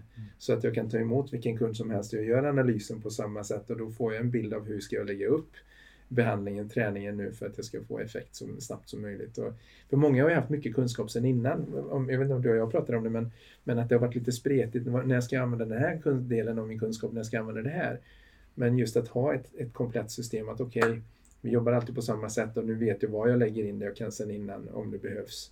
Eh, så så att det, det, det är jättekul, är det verkligen. Mm. Och det är det, man kan göra det till sin egen grej. Liksom. Det är det det handlar Absolut. om. Att du, men men just att du lägger den, att du lägger den eh, vägen för någon, framförallt som du säger att när, när man lär sig för någon, för jag har ganska mycket förkunskap redan och jobbar med många personer redan men det är också många som jag vet har gått en utbildning från noll kunskap eh, och ändå blir effektiva terapeuter ganska snabbt. Mm. Just för hur du har lagt fram det strömlinjeformat på ett sätt som ja, du, du kommer kunna hjälpa folk om du bara följer flödet. Men sen så såklart, och allt eftersom du lär dig så kommer du kunna integrera mer av din personlighet i det. Men tills dess så kommer du ändå kunna komma igång relativt snabbt. Vare sig det är dig själv du ska jobba på eller med någon annan. Liksom. Precis. Så det, det är väldigt fint och det, det, det, det är kul också att se att, eller vad allt som du har integrerat i det. För mig. Det, är, det är saker som jag har sett tidigare också. På det mesta har jag varit familjär med, men just hur du lägger ihop det. Eh, och sen också återigen hur du förmedlar det med den här optimismen. Mm. Eh, det, det sprider sig. Jag tror många blir nog hjälpta av det vare sig du bara skulle lagt ett finger på dem eller inte bara av din energi. Ja. Det, alltså, jag, jag tror inte man kan Men overstate det, den delen. men det är ju det också så att använda, för att placebo är ju en sak att ta i åtanke. Att i alla studier så har du alltid en placebogrupp. Mm. Och som, som vi pratade om, att du använder placebo på ett stärkande positivt sätt till att ja, men vi har en optimism att det här kan bli bättre istället för att vi ska ta ner förväntningar. Mm. För vad är det värsta som kan hända? Man kanske blir besviken men, men eh, varför inte använda, för att vi vet att placebo är så starkt. Precis. Och tankens kraft. Och min, min Jag placebo så att säga, kommer, och min optimism kommer ju av att jag nu i över 22 års tid har arbetat och sett Mm. över 10 000 kunder som har, de flesta varit omöjliga fall, blivit otroligt mycket bättre eller helt smärtfria. Eh, så att därför har det ju byggts på en Mm. energi hos mig naturligtvis. Att jag, jag är övertygad när en person kommer in genom dörren att jag kommer kunna göra någonting för dem. Mm. Ja, och I de flesta fall eh, är det fullständigt revolutionerande just på grund av att de har varit hos si och så många och alla har gett upp för att det funkar inte. Mm. Så att eh, det kommer ju mycket av det Ja, naturligtvis också. såklart. såklart. Men sen, sen är jag väl också i grund och botten är jag ju positiv av mig. Mm. Så att eh, jag tycker man ska se just på livet och, och sätter man ihop det då med den erfarenheten så då brukar det bli bra. Men hur var det för dig då? För att du bröt ju ryggen och hade mycket smärta och jag kan tänka Mm. att det var mycket att hantera som ung. Så att när man ville vara som starkast och så inte kunna vara det. Mm. Skedde ett skifte för dig också i mindset där någonstans när du blev friskare? Eller hur, hur var det där för dig? Eh, jag, eh, så här var det att eftersom jag hade så ont så började jag titta på meditation, alltså Mm. olika sätt att hantera det. Och jag började med qigongen där och det gjorde ändå att jag kunde, kunde minska smärtan och qigongen i sig gjorde mig lugnare. Jag gick healingutbildningar. Mm. Eh, så att jag, det gjorde att jag tvingades titta på olika sätt att komma åt eh, dels mitt mindset och dels att hantera smärtan i sig. Så att det var en gradvis förändring. Så att eh, även sen när jag blev helt bra i ryggen så redan då hade jag ju ett, ett starkare mindset så att jag styrdes inte så att säga av smärtan längre. Utan Mm. då, då var det mer bara, vad skönt, nu är jag av med det här också. Ja. Den fysiska biten av det jobbiga. För jag hade redan vunnit över det så att säga på det mentala känslomässiga Mm. planet. Men självklart så är det skönt att vara smärtfri fysiskt också. Mm. Mm. Ehm, Men det var en gradvis eh, förändring då som skedde eh, under flera år, innan, även innan jag då kom i kontakt med dem i USA. Då. Just det. För där har vi ju, om bara drar en, en eh, bild här av hur det brukar se ut. Som du själv säger i dina utbildningar här. Men från ja, någonstans där runt 5-6 års ålder när vi börjar skolan. Då börjar vi ladda ner programmering. Mm. Eh, förutsatt att man haft en någorlunda hälsosam uppväxt då. Som, som vi sa tidigare där mellan 0 till 7 års ålder. Så. Sker Ja, mycket. sker mycket. Mm. Eh, men framförallt där just när den kravställningen börjar komma liksom, och det skapar den här personligheten Mm. senare. Just när du glömmer bort det här att du har ett värde av att bara faktiskt vara, vara du. Exakt. Och eh, där kan man väl säga Ja, jag- ser väl det väldigt mycket. Jag tror de flesta, eller jag tror alla vi håller med om att eh, bortsett från olyckor då, liksom, alltså riktigt traumatiska boom-grejer så är det nog kanske där som mycket av en persons problem härstammar ifrån som sen då manifesterar sig i det fysiska Mm. som vi pratat om. Vare sig det är fysiologiskt, biokemiskt eller om det är strukturellt. Mm. Och just att ha den approachen som vi ju då har. Eh, både vi i PC, för det är något vi absolut integrerar i coachingen, men som du också har när du träffar en kund fysiskt. är just att vi, vi måste ha den aspekten i åtanke och som Robin du sa tidigare med när vi pratar med folk som är verkligen riktigt duktiga, riktigt vassa. Mm. Vi pratar med de bästa i Sverige liksom just kring mm. ja, hälsa. Och gemensamt för alla som delar våran världsbild i alla fall, nog för att vi är lite selektiva med vilka, vissa, vilka vi pratar med. Mm. Men alla som verkligen är, som vi tycker, riktigt, riktigt, riktigt skarpa. Som hjälper människor. Som hjälper människor. De har ju kommit till den biten att oavsett vilken inriktning du har, hur du hjälper folk, så den här mentala känslomässiga aspekten kommer alltid spela en stor faktor och du mm. behöver ha en metod eller vad, hur du nu jobbar men du behöver ha den i åtanke. Mm. För att om du inte jobbar på den liksom, då kommer de, de andra sakerna i nedströms ja. därifrån. Helt rätt. Helt rätt och det, det, det är ju, alltså vi är ju hur man än vrider och vänder så allting är ju energi i universum som vibrerar med olika frekvens. Och, och eh, vår kropp har en lägre frekvens än vad våra känslor har. Och känslorna har ju en tendens då via energisystemet och via nervsystemet att skapa problem i den fysiska kroppen. Och är det för mycket eh, negativa frekvenser i form av negativa känslor så, så kommer det ju att eh, hindra då effekten av de andra åtgärder vi gör. Vi, och det, det som vi hade en kille innan som jag nämnde innan lunch där som jag gjorde nackbehandling men jag kände att det gav inte eh, den effekt som jag förväntade mig. Då var jag tvungen att direkt att ställa om att okej, okay, vi går in och jobbar på det mentala känslomässiga och så fort vi hade gjort det så var nacken så mycket mjukare. Mm. Så, så vi kom åt det fysiska via det känslomässiga. Mm. Eh, och, och, eftersom jag har jobbat så länge nu så vet jag hur det ska kännas när det funkar. Och, och, om inte jag då får den reaktionen så, så då är det ingen idé att jag lägger tiden på det mekaniska utan då går jag in på det mentala känslomässiga tämligen omgående istället och sen kan jag komma tillbaka till det fysiska för att då vi behöver inte dels jobba så mycket på det fysiska och dels så får vi mer bestående effekt på det fysiska också. Mm. Bättre och mer bestående effekt. Och där tänker jag också för de som inte förstår vad vi menar med just att allting grundar sig i det mentala och emotionella så kan man bara ge ett exempel på de många kvinnor som vi jobbar med som, som bränt ut sig. Som ja. oftast det finns en känsla av otillräcklighet. Som i sin tur gör att man alltid ska vara en duktig flicka och prestera på jobbet för sin partner, för sina barn. Och så är det det som, och sen till slut så har du hypotyreos. Ja. Jag själv, alltså, och då är det... Du har bränt dina resurser så pass mycket som du säger i kroppen att nu Precis. får du fan slappna av här eftersom jag tvingar dig att ta det lugnt nu för du vägrar ju lyssna på mina signaler. Exakt, mm. och då kommer det liksom, då är det sköldkörteln som ryker i, i det sista. Men hade, hade gått tillbaka bandet och se okej okay, vad är det som har drivit mig till att jag har drivit mig så hårt mm. utan att lyssna på min kropp. Mm. Ja, det är min djupa otillräcklighet för att jag inte fick nog med kärlek av min pappa eller min mamma när jag var yngre. Så att det är det som vi menar med det här mentala och emotionella aspekten som är så viktigt att ta i åtanke för er som inte förstår, som lyssnar just nu, som bara, men vad menar de med allt har sin grund i det energetiska eller det mentala? Mm. Så det är just det vi menar att alla har vi till exempel också som i familjekonstellation också intressant att se hur mycket så här, ilska som kanske bärs på i ett familjesystem. Hur oftast det bara är en djup, djup sorg. Mm. Av kanske någon som har dött eller någon som har blivit förolyckad på något sätt. Och, men den ilskan kan ta då uttryck till alkoholism eller substans.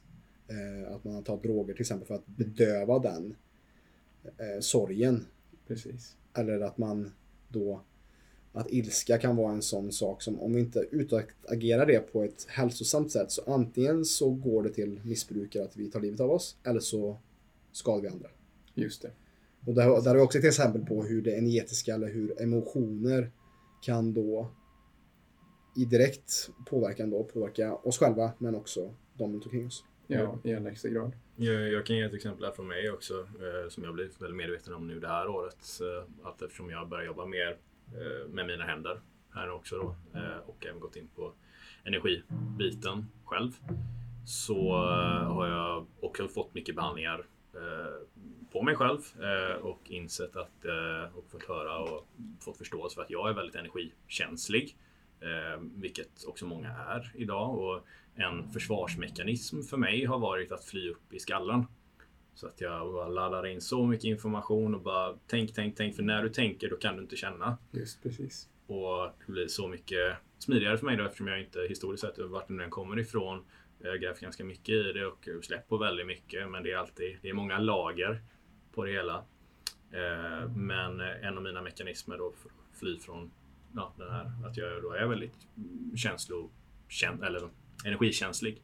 Eh, att, eh, att bedöva det som sagt med tankar och med kognitivt arbete som också jag tror många här kan känna igen sig i vare sig de förstår precis ur det perspektiv som jag beskriver här för mig eller för sig själva. Men det är väldigt vanligt idag att istället för att känna som sagt så går det upp i skallen och en, eh, en, en, ett parti schack på världsnivå bränner mer kalorier än ett sprintlopp. Mm. Vilket är väldigt intressant. Mm. Det dränerar väldigt, väldigt mycket energi att vara uppe i skallen. Och eh, det är något som nästan har bränt ut mig. Jag har verkligen steppat på gasen nu, eller fått eh, bromsen det senaste. Eh, och det gör väldigt stor skillnad. Men jag har verkligen känt mig som urlakad på ett sätt. Det är något som verkligen kommit till mig det här året. Att jag har varit väldigt urlakad inifrån och det har inte med något annat uppenbart att göra. Utan det är någonting som jag själv har skapat i mina tankar. Och det är en stor anledning till att många, tror jag, vare sig det är på grund av att man är energikänslig eller att man som sagt ställer högre krav på sig själv av otillräcklighet, eh, gör mer än vad du egentligen orkar. Mm. Vare sig det är eh, ja, beteende saker åt andra eller som i mitt fall då, att man hela tiden pumpar skallen med nytt och aldrig låter sig faktiskt vila på riktigt.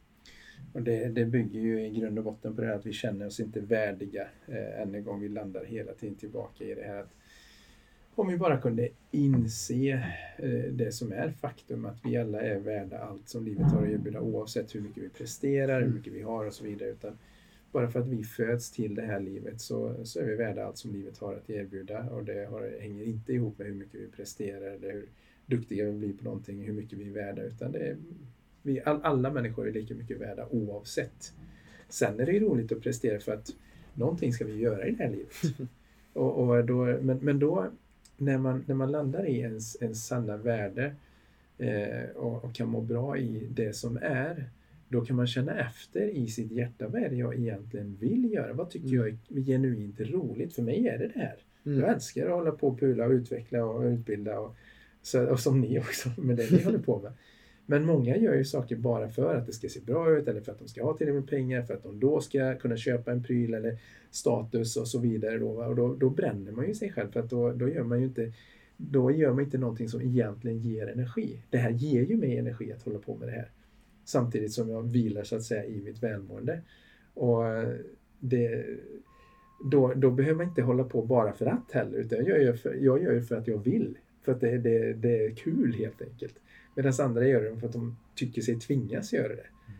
Och eller som kvinnor till exempel många gånger då att de, de ska tillfredsställa andra för att då tror de att de ska få sitt välmående via någon annan då. För att de inte, ja, tyvärr. Om vi ska prata utifrån eh, Check pratar ofta om det här. Jag tror Caroline Mice eh, har fått det med mig som arketyper. Mm. Och sen även Jung såklart. Och arketyper är ju ett sätt att relatera till vilken karaktär spelar du i pjäsen av ditt liv just nu.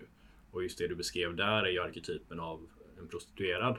Mm. Att du säljer dig själv, inte nödvändigtvis för sex, men du säljer dig själv för någonting. Mm. Och det kan vara en karaktär som man kan spela ett tag eh, för att ja, men just nu behöver jag det här för att sen kunna leva min dröm. Mm. Men om du fastnar där så är det någonting som verkligen tär på dig inifrån. Mm. Och det finns ju vissa då offerarketyper, det finns andra mer empowered arketyper och det är, det är ett intressant psykologiskt perspektiv att se saker igenom. Sen tycker jag om man tittar på det som arketyper och så vidare. Om du än en gång landar i, i sanningen i dig själv så behöver du inte ens tänka i de banorna överhuvudtaget. Nej, mm. För att det finns inget spel att genomföra eller att, att ta del i. Mm. Om du lever från ditt sanna jag. Det gör inte det, utan du lever bara livet. Och du gör det som Eh, det som så att säga, du tar hand om dig själv per automatik för att du, du älskar dig själv på riktigt och du tar hand om andra människor för att du älskar dina medmänniskor. Mm. Eh, men du kör inte över dig själv på kuppen.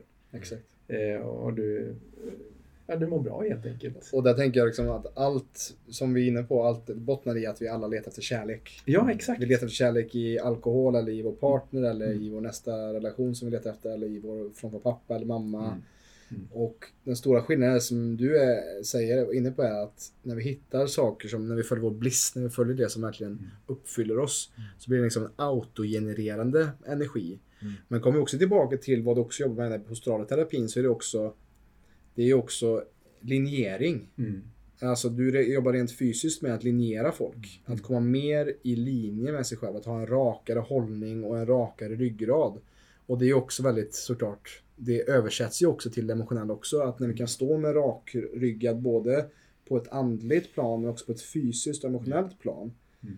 Då kan vi göra vad fan som helst. Och vår tro kan försätta berg i dem. Och det är därför du, liksom, när man kommer till dig så är det så här, ja, nu jag har jobbat sen typ klockan sex, men nu kör vi en podd här. Och, Ja. du vet, och brann för också när vi kom hit första gången och bara, det är klart vi ska kolla på era kroppar för att du älskar detta. Ja. Och det är det när man följer den känslan.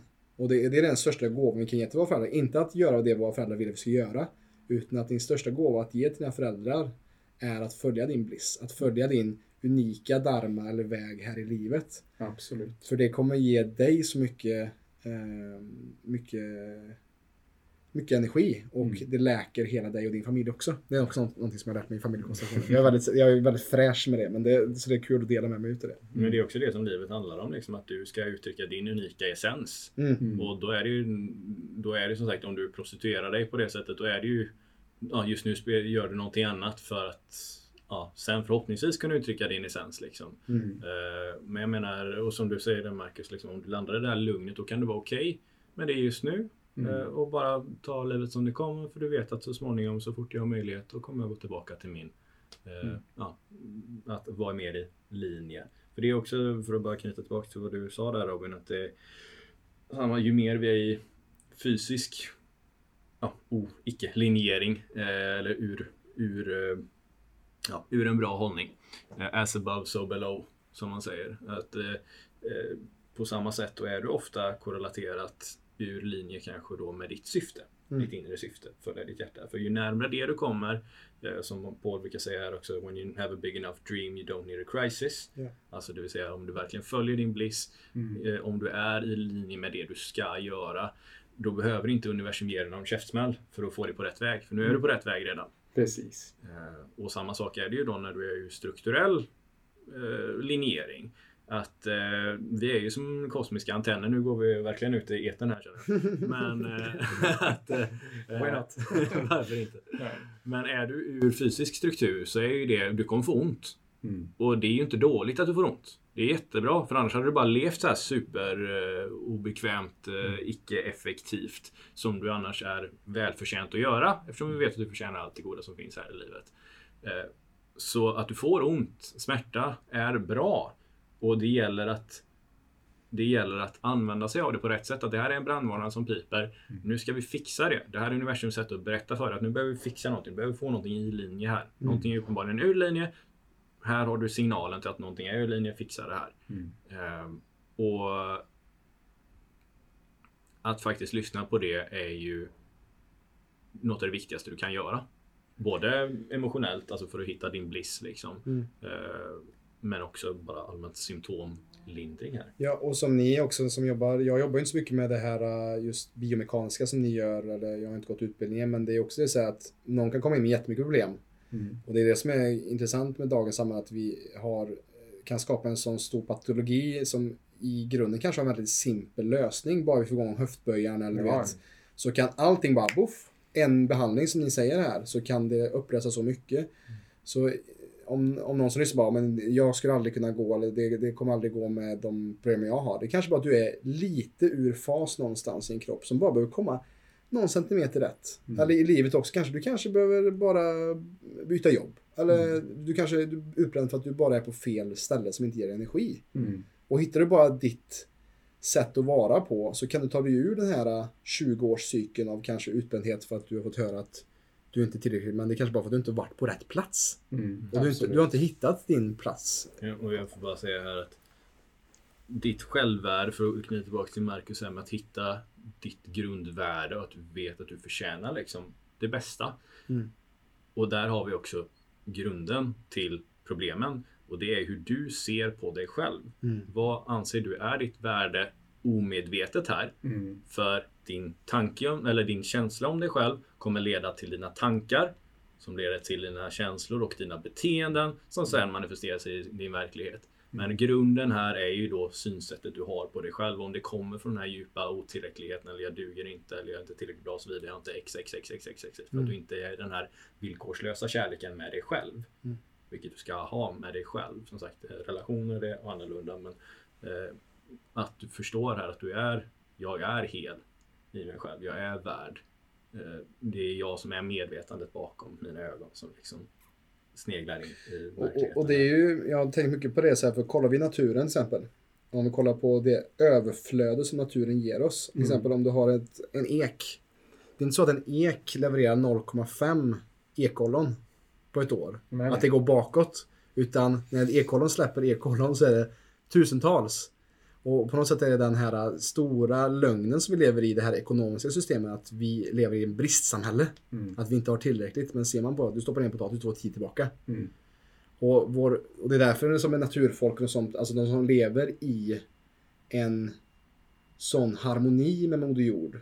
Där finns inte ens de patologiska tankarna kring att jag inte är tillräcklig jag är inte bra nog. För att man, man är i balans och man är en del av ekosystemet. Medan vi i västvärlden har liksom separerat oss från det. Och lever i att jag måste jaga, jaga, jaga in i ekorrhjulet för att hinna med eller vara tillräcklig eller göra nog.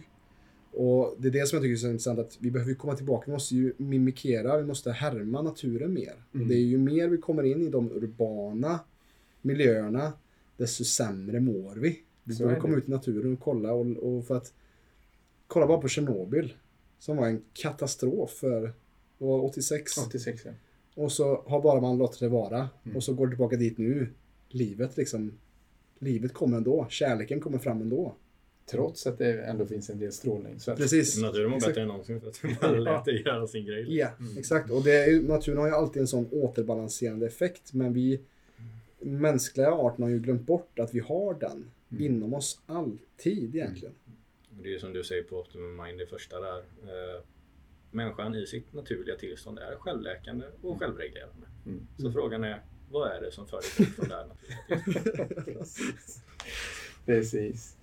Ja, det, det är tyvärr så, så påverkas jag så, så mycket av media varje dag. Våra telefoner är ju ett gissel för att allt som vi ser och alla vet ju det här men de vet kanske inte hur mycket man Mm. påverkas eller de påverkas av det. Eh, man tycker nej men jag påverkas inte men undermedvetet så gör man det. Mm. Tyvärr. Och, och man, man jämför sig själv fast man egentligen tycker att man inte gör det och så vidare. Då Mm. ligger det och gnager under ytan och gör att man hela tiden har den här lilla känslan av just otillräcklighet eller att eh, man, man borde göra mer eller Mm. man, och så vidare. Va? Så att eh, det är viktigt att bryta den för det sätter sig som sagt i kroppen också. Mm. Eh, på många olika sätt och, och på ställen där man inte ens anade. Det var som en, en tjej, hon hade ont i stortårna och så satte känslor fastnade känslor i stortårna. Vi släppte på dem så mådde tårna bra. Liksom. Det låter ju nästan löjligt eh, och eh, för otroligt för att vara sant men det är så. Alltså, Mm. våra, våra känslor är som energi som kan sätta sig var som helst egentligen. Vår vän Erik, eh, han var på podden relativt nyligen. Han, just med det du säger, han hade också en fastnad känsla i sin stortå. De släppte på det, blev liksom emotion release för honom. Det var, Ja. Det var, ja, så det, det kan sitta i stortårna. Mm. Ja. Och, och det är så när ni manipulerar kroppen så kan folk bara börja gråta. Ja. Utan att de själva vet vad det beror på. Ja. Men det kan vara någonting som sitter så djupt. Mm. En tanke eller någonting som man bara kapslat sig in så djupt. Mm. Eller kanske till och med varit stora farsa lagringar över som bara lagt sig över det här traumat som vi bär på. Som vi kanske inte ens medvetet på ett medvetet plan vet om men som på ett undermedvetet påverkar allt vi gör. Ja. Och alla våra relationer och allting. Det är väl en grund inom fysiologin, eller inom kinesiologin just att nej, men ditt undermedvetna vet. ja, Allt exakt. Exakt. Så Så kan vi connecta in i det här så kan kroppen Mm. berätta för dig vad det är du ska göra. Mm. Ja, det är det som är så fint just också när man gör de här behandlingarna då. Att, att du som terapeut behöver inte veta någonting egentligen om kunden på det sättet utan kroppen eh, via testningen visar ju vad det är som behöver göras. Och det, det underlättar ju väldigt. Eh, det, gör det. Och det, det är det också som gör att du kan lära dig det här snabbt för att du behöver inte läsa psykologi i fem, tio år och eh, bli duktig på att prata och älta med patienten eller klienten då, utan du kan, eh, du kan använda dig av mycket snabbare eh, sätt att komma åt det egentliga i grundproblemet. Då. Det gäller ju att komma ur sin egen begränsade väg egentligen. Det, är- det är det som är utmaningen för många, framförallt inom kinesiologi. då, Just att om du, om, du är alltså, om du är så fast i den här fyrkantiga världen som vi lever med, eller som vi lever i, då kan det vara svårt för dig att connecta till det här. För det, du, då behöver du bara släppa Mm. på dig själv egentligen. Ja. Kunna connecta in och sen att bara kunna vara skön liksom, medan du gör det. För det är en sån stor del av det, det som vi var inne på förut här, liksom, att jag tror du kan hjälpa folk eh, utan att ens nudda dem, liksom, även strukturellt eh, på grund av bara den energin som du bringar. Mm. Eh, och även en av våra andra stora eh, inspirationskällor här i, i Sverige, Jonas Jonasson på Elitcenter som mm. Eh, vi har eh, träffat flera gånger här och eh, som pratar om, eller på en av hans föreläsningar som jag lyssnade på faktiskt. Just när han snackar just om det här energiutbytet som vi alltid har som terapeuter till, mm. till klienten. Att bara vår intention att hjälpa och nu pratar vi energimedicin här för, så för er som är helt i, i, det, i det newtoniska fysiken här. Ni kanske har tonat ut redan så jag pratar mer som är kvar. Eh, men just den, det energiutbytet. Eh, och men det kan eh, alla som lyssnar här som ja, har levt ett liv kan känna igen sig i ja, olika omständigheter där man helt enkelt har en känsla, man har en intim connection med någon och saker och ting sker annorlunda där mm. än om det är att du kommer in i ett rum och du bara känner av oh, energin i det här rummet är ja. spänd. Precis. Vi är energikänsliga. Vårt hjärta är en stor jäkla elektromagnetisk, ja vad ska man kalla det för? Eh, ja, men säg bara som exempel om du skulle sätta en behandlingsbänk på, på Drottninggatan i Stockholm och mm. göra en behandling. Mm. Jämfört om du gör det i ett lugnt rum med lite lugn musik. Alltså du, du har ju två helt olika förutsättningar för din kropp att slappna av. Ja, absolut. Och det är lite det du är inne på, om man ska bara dra det till sin, sin spets här. Liksom att, att det är också set and setting också som är otroligt viktigt. Mm. Och vilken intention du som terapeut och med om du har energi och om du har överflöd av din energi mm. Mm. så kommer det ju kunna spilla över på eh, kontra om du då är en terapeut som är urlakad och inte har tid och så tycker yeah. att det är jobbigt mm. att, att hjälpa andra. Där, mm, där har precis. du liksom just när det är med eh, på sig. Liksom du, om du går till någon som ska få ordning på din vikt. Liksom, du vill inte att den personen ska vara överviktig. Nej. Eh, Likaså om du går till någon eh, fysioterapeut. Då är det bra att du inte hade fel på ryggen där längre. Utan du precis. fixade det själv. För nu kan du hjälpa andra med det. Liksom. Mm. det ja, du, du, om du kommer till någon som då är urlakad själv. Så kommer inte den kunna ge dig energi. Nej. Det är bara ett faktum. Vi kan inte ge någonting vi inte har. Mm. Precis. Och det är ju någonting som du verkligen vill kolla i efter en terapeut. Eh, och vad, vad det nu än är, så att du vill ha en, eh, en eh, soundhealing session liksom. Och, ja, men om du kollar på personen som då ger dig mm. eh, den här upplevelsen. Kolla på Robin till exempel och känner du tycker att hans energi verkar skön. Ja men då kommer du sannolikt få en jättefin upplevelse. Tveksamt om jag är skön. Nej, men, men det, det, är det och det, det är ju på tal om det då så senaste året har jag ju verkligen fördjupat mig ännu mer i meditation och att i närvaro skapa ett lugn i mig själv. För det är min intention i allt jag gör just nu är en service till människan. Eller till de jag möter i att i, om det är att spela gång så vill jag att bara jag kommer in till en, en, till en yogastudio eller någonting, så fort jag kliver in där, då börjar sessionen. Inte när jag slår första slaget, utan hur jag bär in, hur jag ställer upp gångarna, mm. hur jag pratar med den som organiserar och de som kommer. För det skapar också en trygghet och ett lugn istället för att jag skulle stressa mig in. Mm. Och, och, där, och som du som håller på med qigong vet ju också hur viktigt den närvaron och meditationen ja. är inte bara för som i möte med andra, men i möte med mig själv. Mm. Och att veta att varje stund är viktig. Mm. Men vi går rätt bort oss i att nu ska vi stressa eller vi kör för fort eller mm. vad det kan vara för att vi ska bråttom någonstans. Och där är ju liksom den största delen som jag ser till varför jag orkar så mycket är för att försöka hålla kvar närvaron. För som du säger också med trauma och den biten, det är ju när vi tänker bakåt ja. eller har ångest för framtiden som det är där vår energi verkligen eh, punkteras ur oss. Om vi inte är med vad som är. Och det är när, för livet kommer alltid vara mysteriskt och, och ta oss på vägar som vi aldrig hade förväntat oss att göra. Som för oss också med PLC. Men det är när du, dina förväntningar av vad som borde ske, det är där dissonansen oftast sker med att man mår dåligt eller skapar mm. ångest eller stress. För att det här är inte så mitt liv skulle vara. Nej, Fast det är ju så här och det är så här för att det, ska, det skulle blivit så här. Det är meningen skulle bli så här. Och det är det som är det fina då att, att när du på riktigt är i harmoni med dig själv så spelar det inte någon roll vad som händer längre. Exakt. Du, alltså, du kanske planerar för någonting eller tänker att det ska bli på ett visst sätt men sen blir det tvärtom eller något helt annat. Mm. Och du mår inte sämre för det. Nej. Utan du inser att ah, det var intressant att eh, nu presenterades jag med det här istället. Mm. Och då lär man sig säkert någonting av det också Mm. för det var meningen att det skulle bli så. Men om man då har hård, hårda förväntningar och då tycker att nej men det blev inte som det skulle då skapar man ju ett dåligt mående i sig själv Mm. som ett resultat av det för att man gör sig själv besviken. Det är inte omständigheten som gör dig besviken utan det är din förväntning om det som gör att du sen skapar en känsla av besvikelse inom dig själv. De orden som kommer till mig är att eh, smärta är oundvikligt. Det kommer ske i livet. Men lidande, det är valbart. Mm. Exakt. Exakt. Och eh, bara för att fortsätta lite där på hur viktigt det är att ta hand om sig själv som terapeut då. Alltså Mm. som, jag, menar, jag vet att när jag jobbar med folk, om inte jag liksom har gjort mina grejer så kommer inte jag kunna vara fullständigt närvarande i den här relationen med klienten då. Mm. Eh, och samma som jag vet att du har gjort qigong som sagt Mm. många herrans år här och vi behöver liksom göra jobbet på oss själva för att sen kunna hjälpa någon annan med det. Och det är det du verkligen vill, du som lyssnar på det här, när du letar efter en terapeut. Liksom. Du behöver ha, eller den personen behöver utstråla någonting som du tycker verkar värt att vilja ta del av. Mm. För det är ett energiutbyte och eh, det är också en person som är kanske mer vital än vad du är som kan stötta din vitalitet. Exakt. Om det är det du är ute efter. Ja, för vi har ju likväl många som går in i, som kanske har trauman eller som har liksom ett minnesvärdeskomplex som går in i terapeut eller sjuksköterska för att man går in i hjälpararketypen som kanske kommer från en obalans i att man blir hjälparen som hamnar i det här att man inte har energi egentligen men man vill en people pleaser. Så Ja, det är också precis. viktigt i, i, i, om man också lyssnar som terapeut, hur är jag som terapeut, om du är terapeut som lyssnar på detta?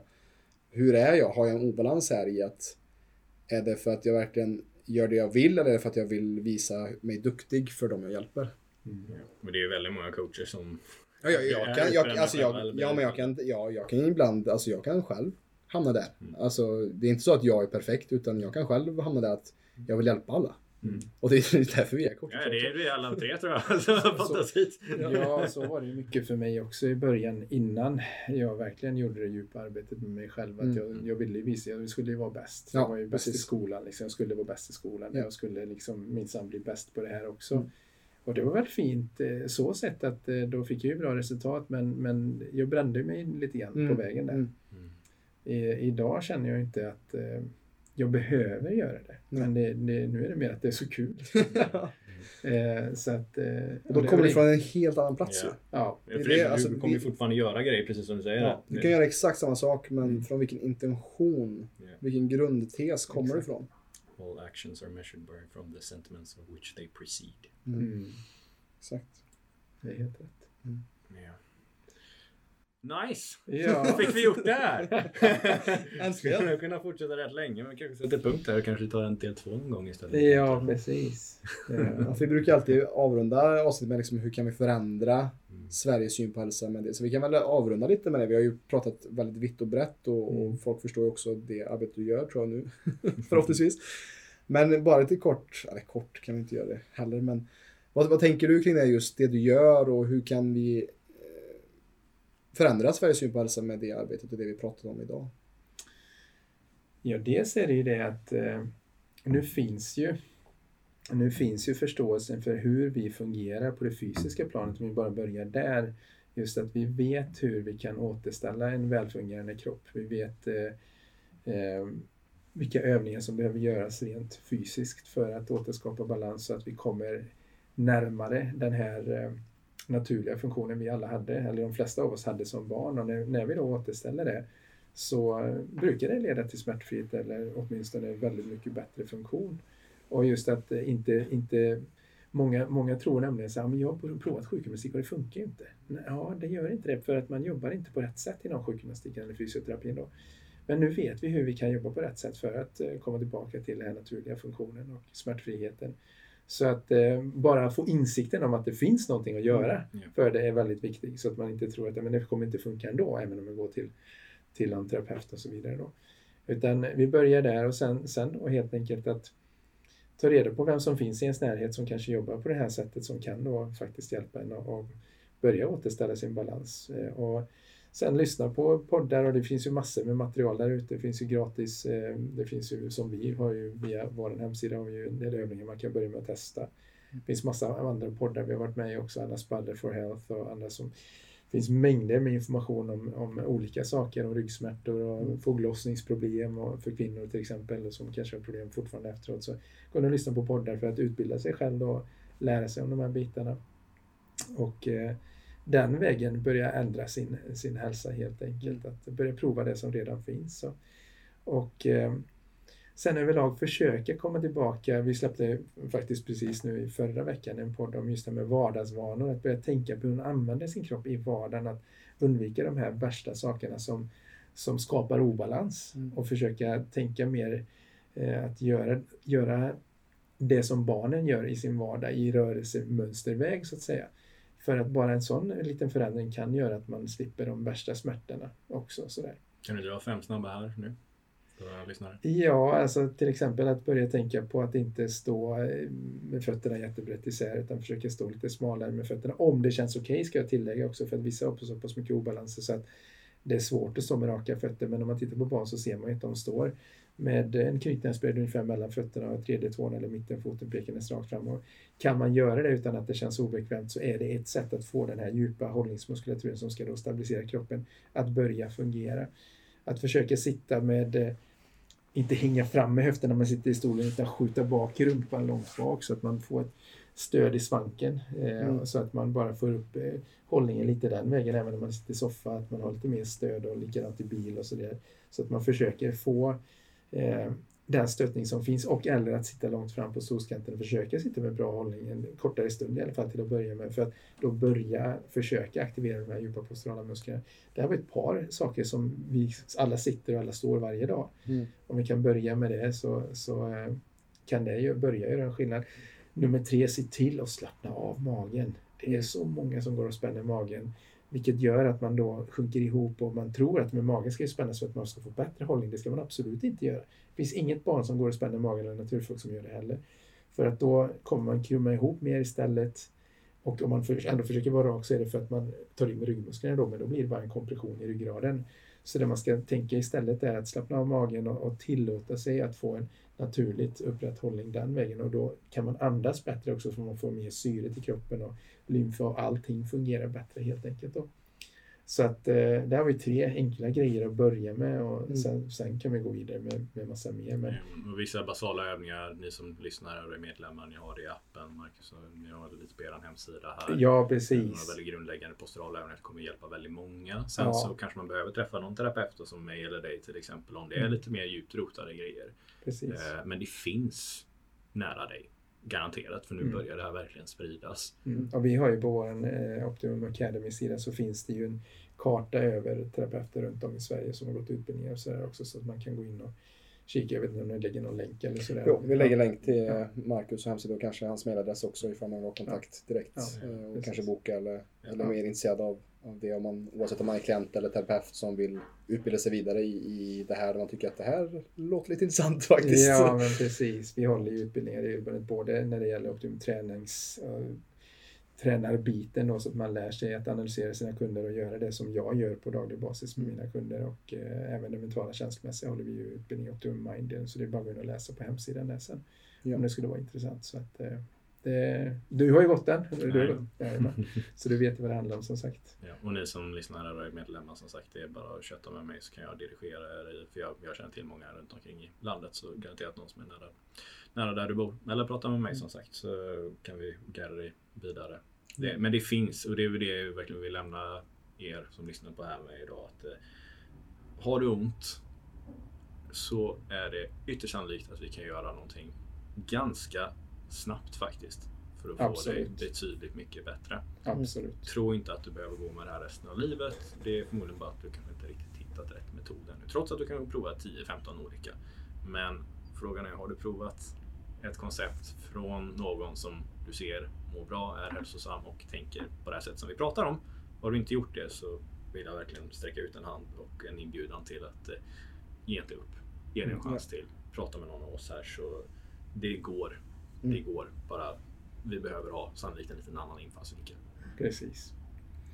Och slutligen vill jag bara tacka Marcus för din tid och din villighet att, eh, som jag ser metaforiskt sett, så är du som en stor, stor flamma.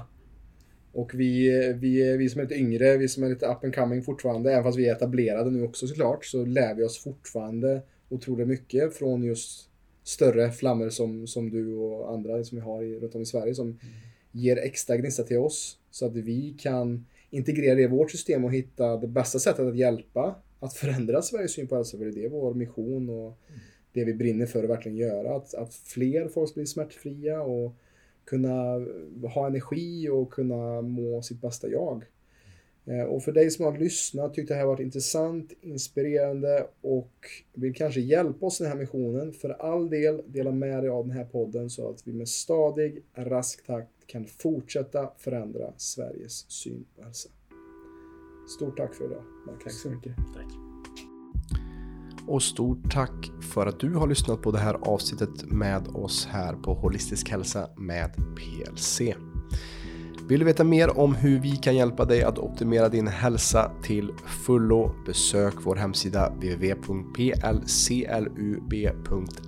för att läsa mer om hur vi hjälper dig med detta. Och som sagt, dela gärna med dig av den här podden till flera människor så att vi kan höras i fler öron och på så sätt stärka Sveriges hälsa. På återhörande, ta hand om dig, ha det nu riktigt, riktigt gott.